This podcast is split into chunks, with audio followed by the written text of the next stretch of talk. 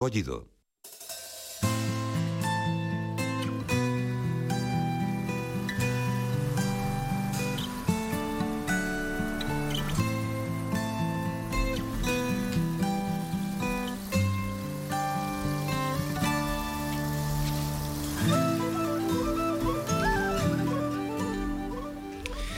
Xa estamos con Xana Albor, a nosa queridísima colaboradora, con ela falamos de ecoloxía, de medio ambiente, de conservación da natureza.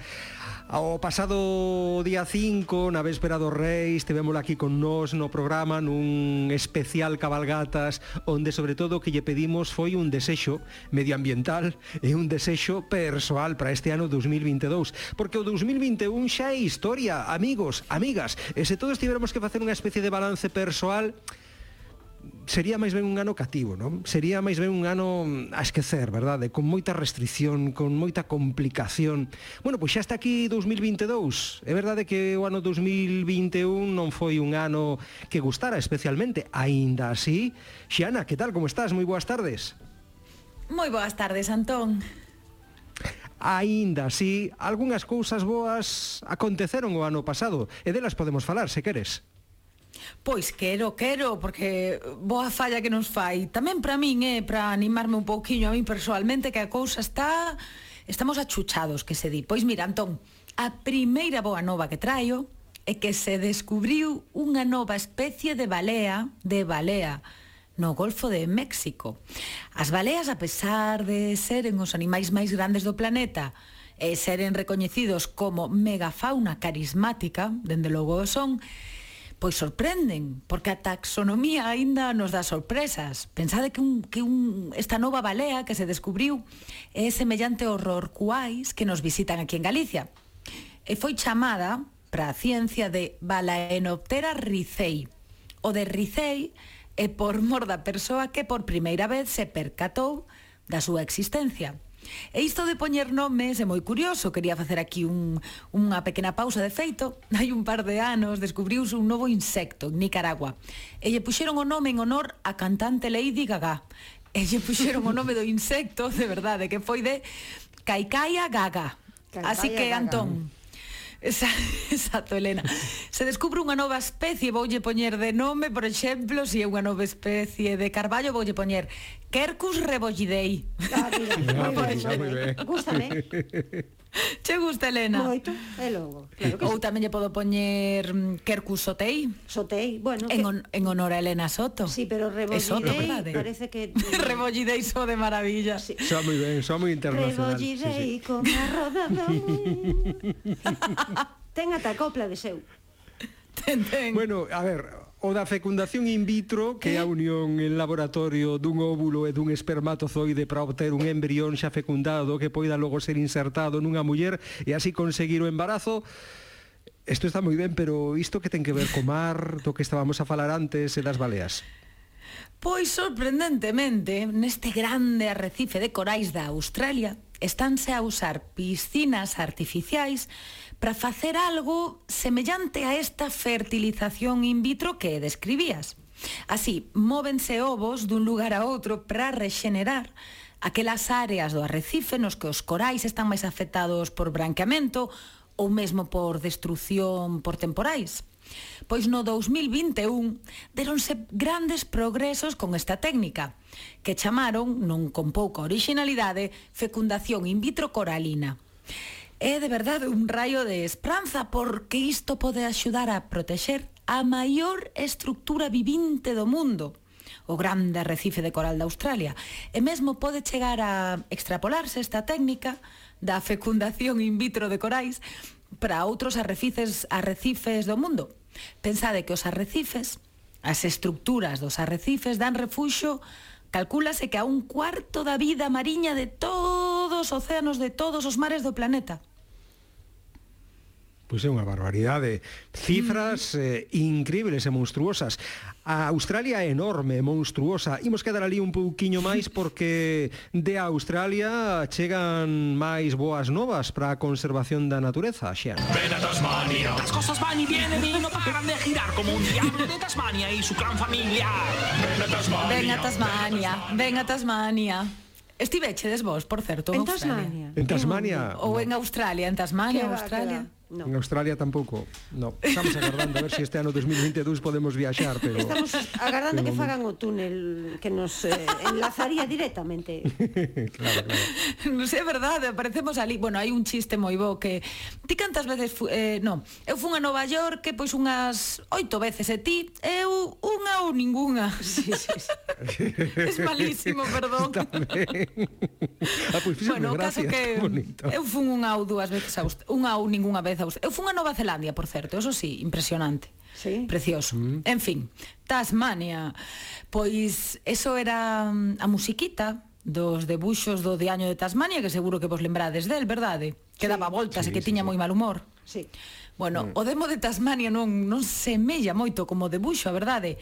pero sí que comparte o seu mal humor. De feito, é famoso porque cando quere defender o territorio ou cando quere mesmo ligar cunha femia ou así, monta eses espectáculos. ¡Ah!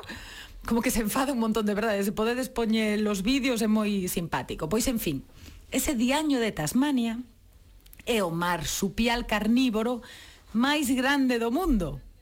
Que tampouco pensedes que é moita cousa. Ven a ser máis ou menos como un gato grande ou máis ben un can pequeno entre 5 e 7 kilos, entre 50 e 80 centímetros, ou seja, non é moita cousa, pero aínda así, como xa non quedan outros, pois é o máis pero grande. Pero o xenio, o xenio é o que ten que, que o converte en diaño, non? Bueno, non din que, como é esa cousa que se di da xente pequena que ten mal humor, ou eco dos cans? Eh, non sabedes? No. Hai un dito que se di que os cans pequenos Can, ai como é? O, home can, pequeno no. fol de veneno, será eso? Debe ser ese, Cala Elena. Eso. Pouco mordedor, tamén hai. Si, de cais hai unha mancha de, de ditos, sí.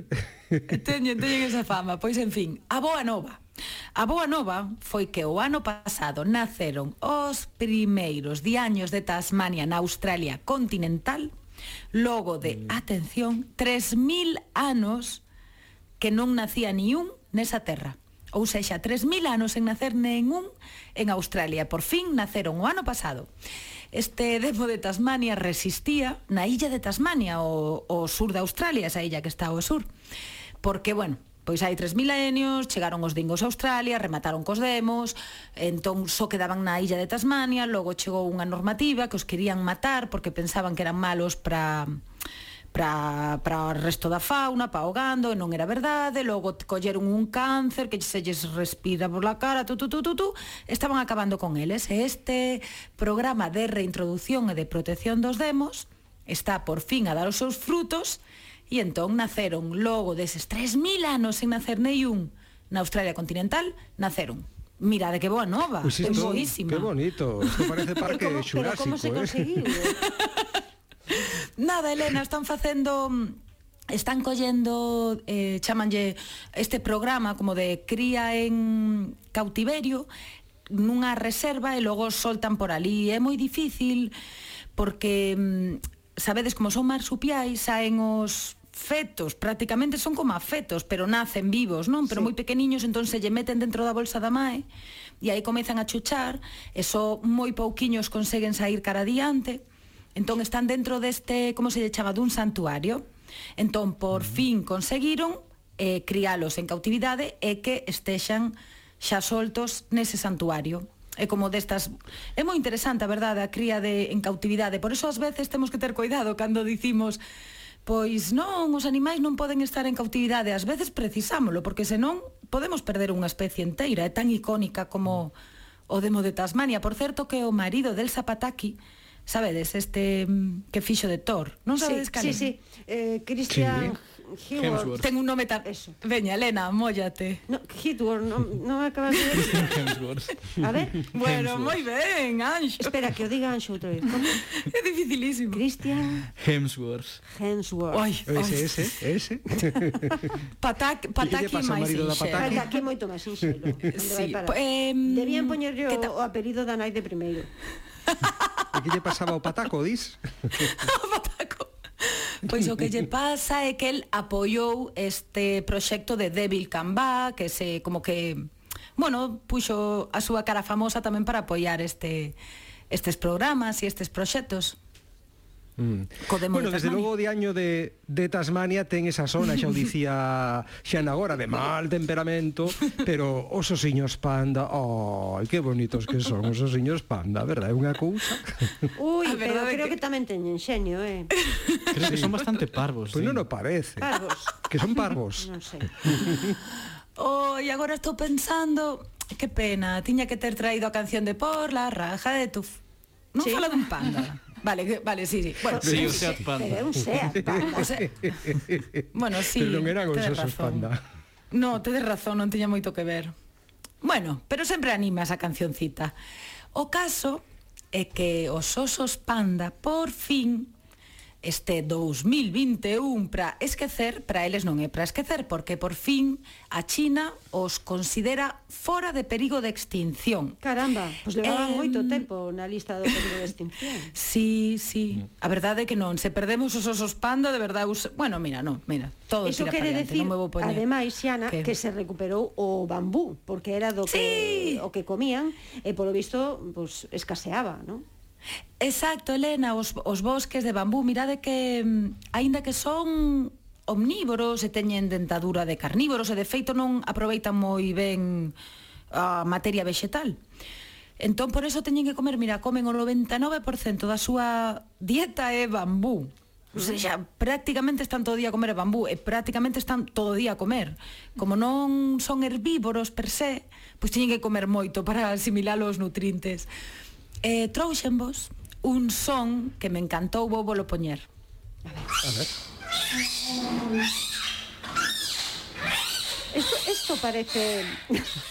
Hai columpios que soan así. Cando...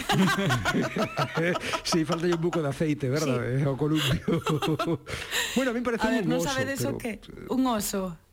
Un oso é un panda. Oso. Non, un oso pardo. É moi difícil adiviñar. Sí que é un oso panda, pero é moi difícil adiviñar. Caramba. Eh, claro, que é moi... Un oso pardo, non? Momento... Ou un oso panda. Panda, non, panda, panda. Panda. Mirade, ah, era un vale, momento... era un momento exacto do no que a femia, unha que non lembro agora o nome, a femia que teñen no zoolóxico de Madrid, a femia de oso panda, paría. E eses Oi. ese son era o equivalente aos nosos bebés cando choran. Son os primeiros sons que fai unha cría de oso panda cando nace. Ah, mira de que bonito pensei que era nai Ay, parindo, sabes que a ver, escuitámonos de novo. A ver, a ver, a ver, Veña, a ver. Sí, a ver. dalle Rosa.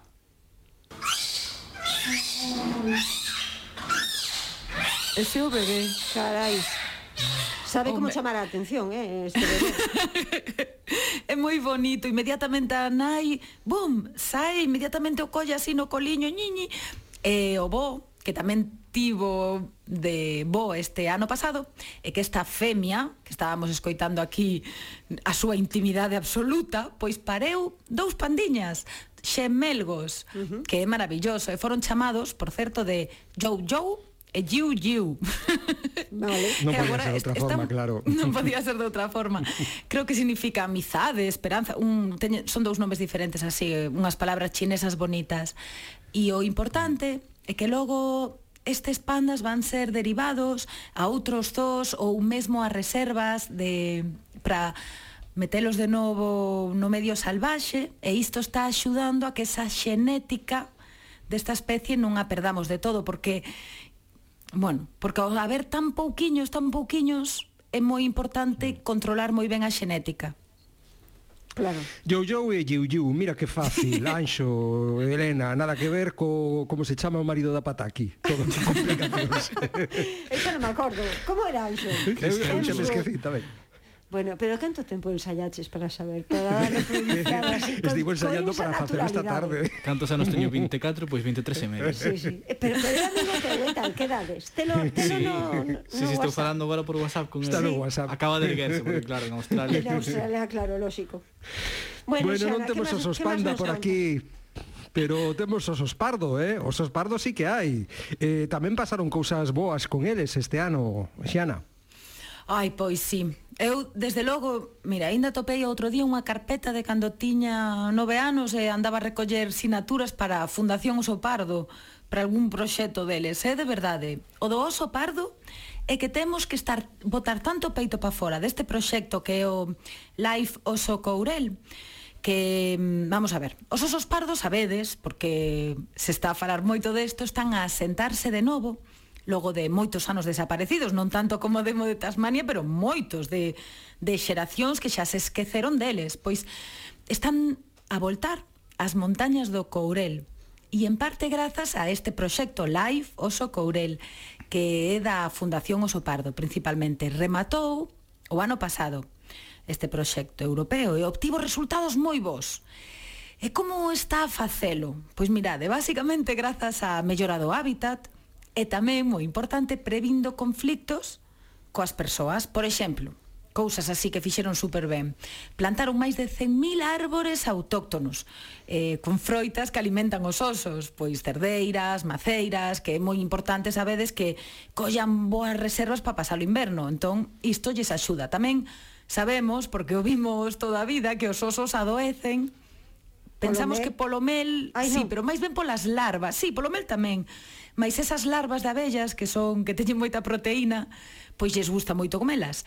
Pois traballaron man a man desde este proxecto con apicultores do Courel para evitar ataques a colmeas. Repartiron pastores eléctricos, pero non lles deron só so a cana, Ensináronlles a instalalos, a como colocalos, ben recu recuperaron albarizas, claro, antes había os albares, non? Sabedes estas sí. estruturas típicas. Sí, como pero como agora non as temos, oco, non diríamos. Eh, non, esos son os cortizos, Elena, son Ay, esos estes son típicos. Os cortizos, vaya. Sí, pero seguro Seguro que os biches moito, son esas estruturas redondiñas de pedra para que as colmeas estén dentro e os osos non poideran entrar. Sí, sí, Soabos, así sí, redondas, sí. seguro que as vistes. Pois estiveron a recuperalas e tamén colaboraron con agrupacións de cazadores para desbro, desbrozar postos de caza e dese xeito reducir a mortalidade de osos. E tamén moreas dobradoiros, mm, faladoiros sobre as oportunidades de turismo de natureza porque se na China pagan moreas de cartos para ir a ver os pandas, porque non podemos facer o mismo aquí? Non? Claro. Mm. Bueno, que me lío porque este de verdade é un que este proxecto me, me, me emociona. Aquí tivemos e vos a, lembrades a Fernando Ballesteros, que é o coordinador do proxecto. Sí. Xa hai un aniño así, si sí, e tivemos tamén a a xente de hotéis de turismo rural, e mesmo cazadores mm. falando de como están a aceptar a volta do oso, algo que podría ser moi complicado, estámolo a conseguir. Viva Cocourel, vivan os Ancares e viva Galicia. E Viva. Traio vos. Viva. Viva. viva. E traio vos pois algo que grazas a estes esforzos tan grandes, por certo, que non non quero deixar de dicilo, Fundación Oso Pardo, xunto coa Xunta de Galicia, xunto co Ministerio do Goberno, xunto con empresas privadas, é unha labor titánica. Pois ben, consiguen escoitar de novo isto.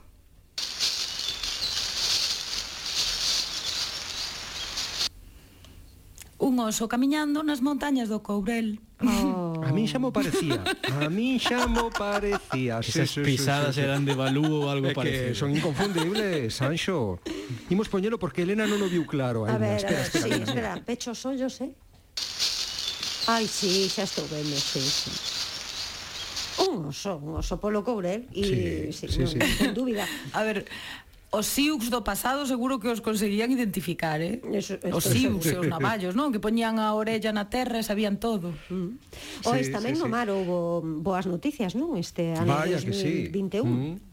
Pois mm. sí, mm. Este ano que deixamos que atrás, o pasado, vaya que sí, sí, sí, exacto eh, co bonito do norte o atún vermello eh, outras máis especies de atuns máis as que coñecemos máis aquí as que pescamos bueno, non aquí, pero as que consumimos aquí e pescan os nosos pescadores foron o bonito do norte e o atún vermello, que xa non están en perigo de extinción. Ou seja, deronse de baixa, diga, deronlle alta este ano pasado aínda, que as poboacións están a descer. Pois agora si, que agora si que estou convencida ver. de que ¿Qué? 2001 foi un ano estupendo e maravilloso. 2001 e xa, seguro. como traca final o que nos vas contar agora, non Xana? Ah, sí, traca final. Eh, o 20 de decembro do 2021 os científicos do Servizo de Monitoreo do Copérnicus confirmaron que o buraco da capa do ozono da Antártida do 2021 case pechou logo de ser moi grande e moi persistente. Así que a capa do zono segue a recuperarse de unos unha boa nova tamén. Ai, sí, pois pues, francamente. Pois eu creo que podemos celebralo con esta canción que traemos así de agasallo. Veña, que soe Johnny Nas. Adiante, Johnny. Ai, tamén con esta. Ah, ¿Y esto? Qué bonita. Era un prólogo. Ah, este sí que Johnny. Ay, Anto, Johnny. era un prólogo. Adiante, Johnny. I can see clearly. Moi ben os coro, Xiana, dalle, dalle. non, non podo que senón. Chris Hemsworth. Chris Hemsworth, el zapataki. Ai, xo, estás desafinando. El zapataki, ai, ai. Eh, eh, eh. Griselbach. Fatal. É moi bonita a bonita canción, como me gusta. Claro, que ensayo para os oídos. Pero calaremos, Hemsworth. escoitaremos. A ver, veña. Hemsworth. Hemsworth. Hemsworth. ay, ay, ay. Bueno, Xerar Bo, que non foi un ano final tan complicado, tan malo como inicialmente pensamos, pero é que confiamos que este ano 2022 Eso non sí, podo dicir. nos traia moitas alegrías. E aquí estaremos para contalo nestas colaboracións contigo. Xa van... Brrr, xa perdín a conta, non sei cantas, moitas, moitas, moitas. 107, pode ser? Sí, esta sí. é a 108. 107 e el coma, coma dos. e seguimos. Esta variu, variu, variu un pouco máis. Un biquiño, Xana. un bico, Xana. Un bicazo, aperta, ata, logo. logo. Ata logo.